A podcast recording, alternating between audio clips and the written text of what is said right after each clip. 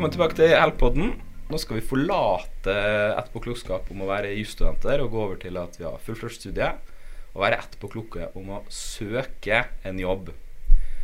Og da er det jo litt fristende å, å stille seg det spørsmålet med Hvordan visste dere, Erik, hvis jeg starter med deg, hvordan visste du hvilken jobb du skulle søke på? Nei, det visste jeg ikke. Nei. Virkelig ikke. Eh, jeg hadde vel egentlig helt andre tanker når, på slutten av studiet om hva jobb jeg kunne tenke meg, eh, også basert på mastertemaet mitt, eh, enn det jeg faktisk endte opp med. Eh, så nei, det er et godt spørsmål. Ja, Det er ikke et vanskelig spørsmål òg. Hvordan, hvordan vet man hvilken Altså, du, du har jo jobbet før vi ble kolleger her også. Hvordan visste du hvilken jobb du skulle søke på? Til og med to ganger. Ja, eh, jeg jobbet jo et eh, lite advokatfirma i Bergen før jeg søkte her. Eh, det var også egentlig en helt Begge jobbene mine har vært veldig tilfeldig. Eh, det har jo vært innenfor privatretten, da, som jeg alltid har tenkt at det har jeg lyst til å jobbe med. Jeg har lyst til å jobbe med mennesker. Eh, så i Bergen så hadde jeg jo en venninne som jobbet i det firmaet, som anbefalte meg å søke der. Eh, og så her var det vel akkurat det samme. Så det er kun eh, nepotisme som har ført meg inn i, inn i disse jobbene. Men nei, det var litt tilfeldig. Altså, jeg har jo eh, En første firma da, så jobbet jeg med alt mulig. Alle slags rettsområder. Og så var jeg på en måte litt glad for at når jeg kom til Help, så fikk jeg på en måte spisset kompetansen litt. da. Så da ble det det arv- og familierett da, som jeg jo i hovedsak jobber med. Og det arverett var jo også det jeg skrev masteroppgave om, da. Skal vi kanskje trekke ut litt her at man burde finne en litt sånn spisset retning? da, i hvert fall At man har en ledetråd i hvilke jobber man vil på, med tanke f.eks. på rettsområdet. Men det er jo litt annerledes fra deg, Erik. For du Mm. sa jo at du skrev jo master om noe helt annet enn det du jobber med i dag. Mm. Hvordan eh, ble det seg til? Um, jeg skrev om skatterett, og Mm. hadde vel egentlig eh, sett for meg å begynne i skatteetaten. Um, at det var en tanke jeg hadde, og jeg hadde egentlig ikke noe verken drøm eller plan om å bli advokatfullmektig. Ehm, men så Tilfeldigheten skal jo ha det til at jeg kom over en søk Eller en eh, stillingsutlysning fra Help. Um, Idet jeg skulle egentlig begynne å starte med jobbsøking. Uh, og den eh, Uten at jeg skal bli for svevende her, da, men den teksten traff meg ganske mye. Fordi jeg innser jo sjøl at jeg liker veldig godt å jobbe med mennesker, uten at jeg hadde reflektert så mye over det under studiet og tenkte at det er viktig for meg. Eh, så traff det meg litt eh, både i søknads- eller stillingsutlysninga og på intervjuet at jøss, det her er jo faktisk det jeg har lyst til å drive med.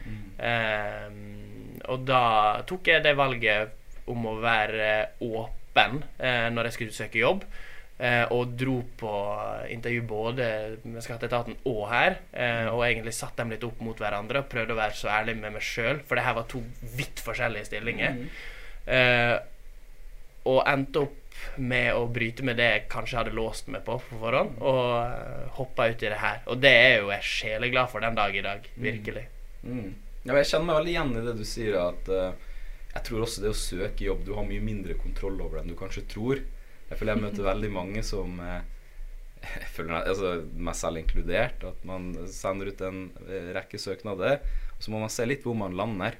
Man, man har ikke alltid full kontroll over hvor man faktisk skal havne. Nei. Men ok, vi er jo ikke nødvendigvis rekrutteringsspesialister. Men vi har i hvert fall eh, solid erfaring to runder med ALD, hvor vi har lest et par hundre søknader der. Og vi har jo også skrevet våre søknader på veien hit, så jeg tenkte vi kunne være litt etterpåkloke om hvilke, ja, hvilke tips, råd eller ting vi hadde gjort annerledes dersom vi skulle gå tilbake og, og søkt på nytt. Eh, og Altså, hvilke, hvilke, altså, hvor skal vi starte? Det er et stort tema. Men eh, altså, hvis jeg kanskje tar utgangspunkt i eh, den, den første søknaden dere skrev en gang For eksempel, Husker dere den første søknaden dere skrev? Jeg husker min, og grunnen til at jeg tar det opp, er jeg har lyst til å svare på spørsmålet selv. Det er jo uh, så mye som har skjedd siden jeg har skrevet min første jobbsøknad. Uh, og, og der er det mye vi kan være etterpåkloke på. Men uh, hvis vi skal prøve å få det litt sånn strukturert, da. Line, før vi gikk online her, Mm. så fortalte du en liten anekdote fra Det var vel jusformidlingen. Ja.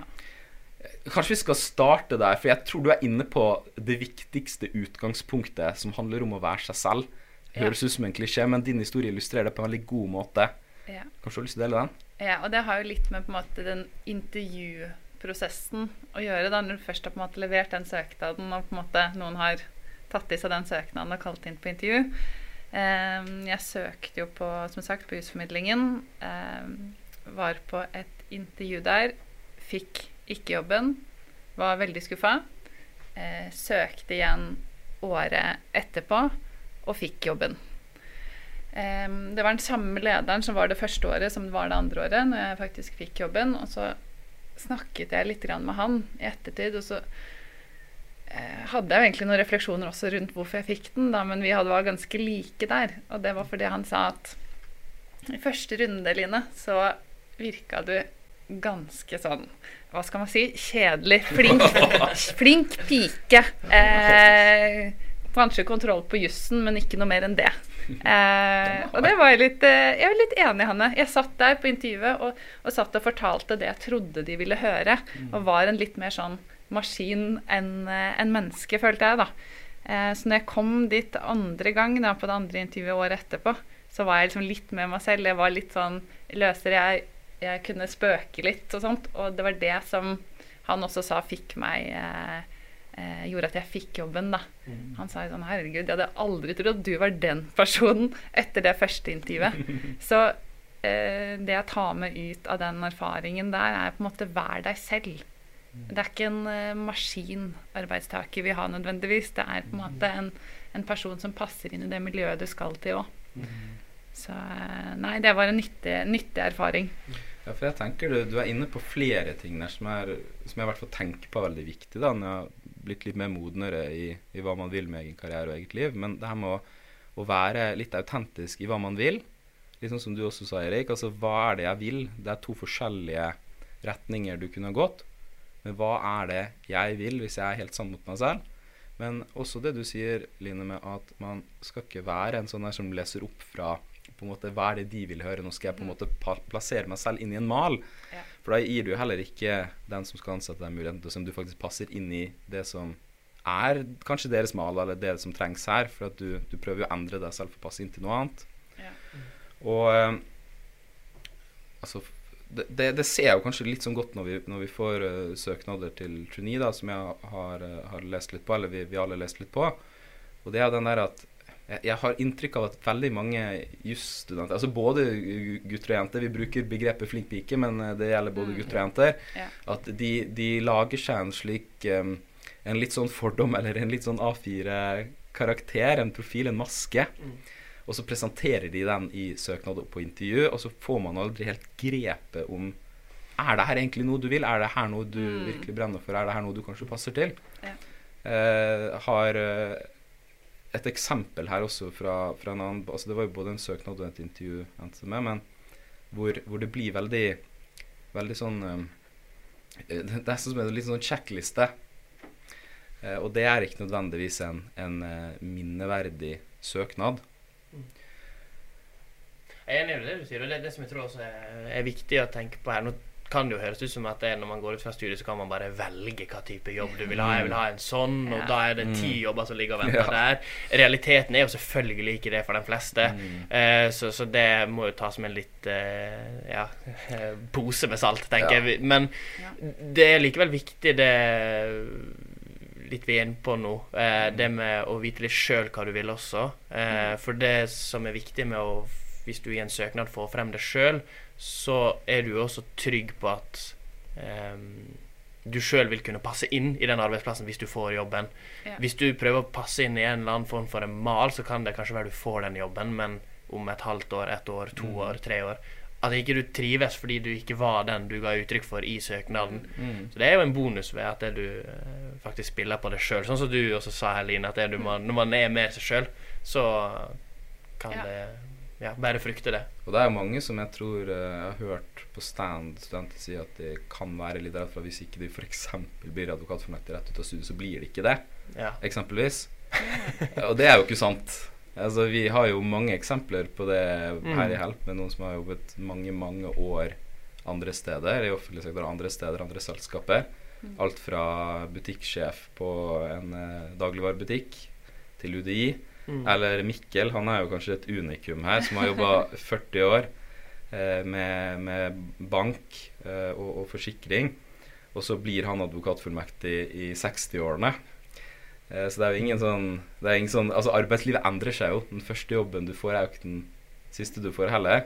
Jeg tror det er veldig viktig også at man får inn At man ikke nødvendigvis alle går rett fra studiet til å bli fullmektig. At man Mm. har en blanding av folk med ulike erfaringer også. Mm. For man lærer så utrolig mye av det. Og de tar med seg da erfaringer fra den andre jobben, som ikke nødvendigvis er en Det trenger ikke å være en juristjobb engang, men inn i da den stillingen. Og er en, en så på en måte verdi, da, Mm. fordi den har med seg den bakgrunnen fra, fra andre type jobber. Så tror jeg egentlig det som er viktig her, å, å ta med seg ut fra det vi sier nå, er egentlig tør å være det sjøl. Ja. Det sier man jo ofte i veldig mange settinger, men, men tør å by på det sjøl. Mm. Det husker jeg også når vi leste en del søknader fra, på LD også i år, Mm.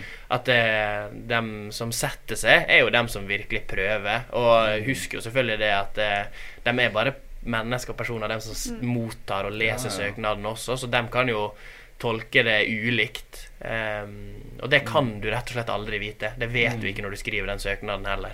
Nei, det er det, og, og den personligheten kan komme fram tidligere enn i intervjusettingen nå. For her kommer et tips som jeg har. eh, Og det er at jeg ser at veldig mange bruker søknadsteksten sin til å oppsummere egen CV. Mm. Men jeg har jo altså, Og det gjorde jeg, jeg selv, altså, bare for å ha sagt det når jeg søkte uh, før. Men, eh, men jeg har allerede CV-en din. Den informasjonen har jeg. Hva er det søknadsteksten skal gi meg for at du skal komme på intervju, for at du skal få en jobb? Det må jo være at vi er en god match for hverandre. Mm. Hvem er du? Jeg vet kompetansen din, det står i CV-en. Hvorfor vil du det her? Kan du gjøre det her?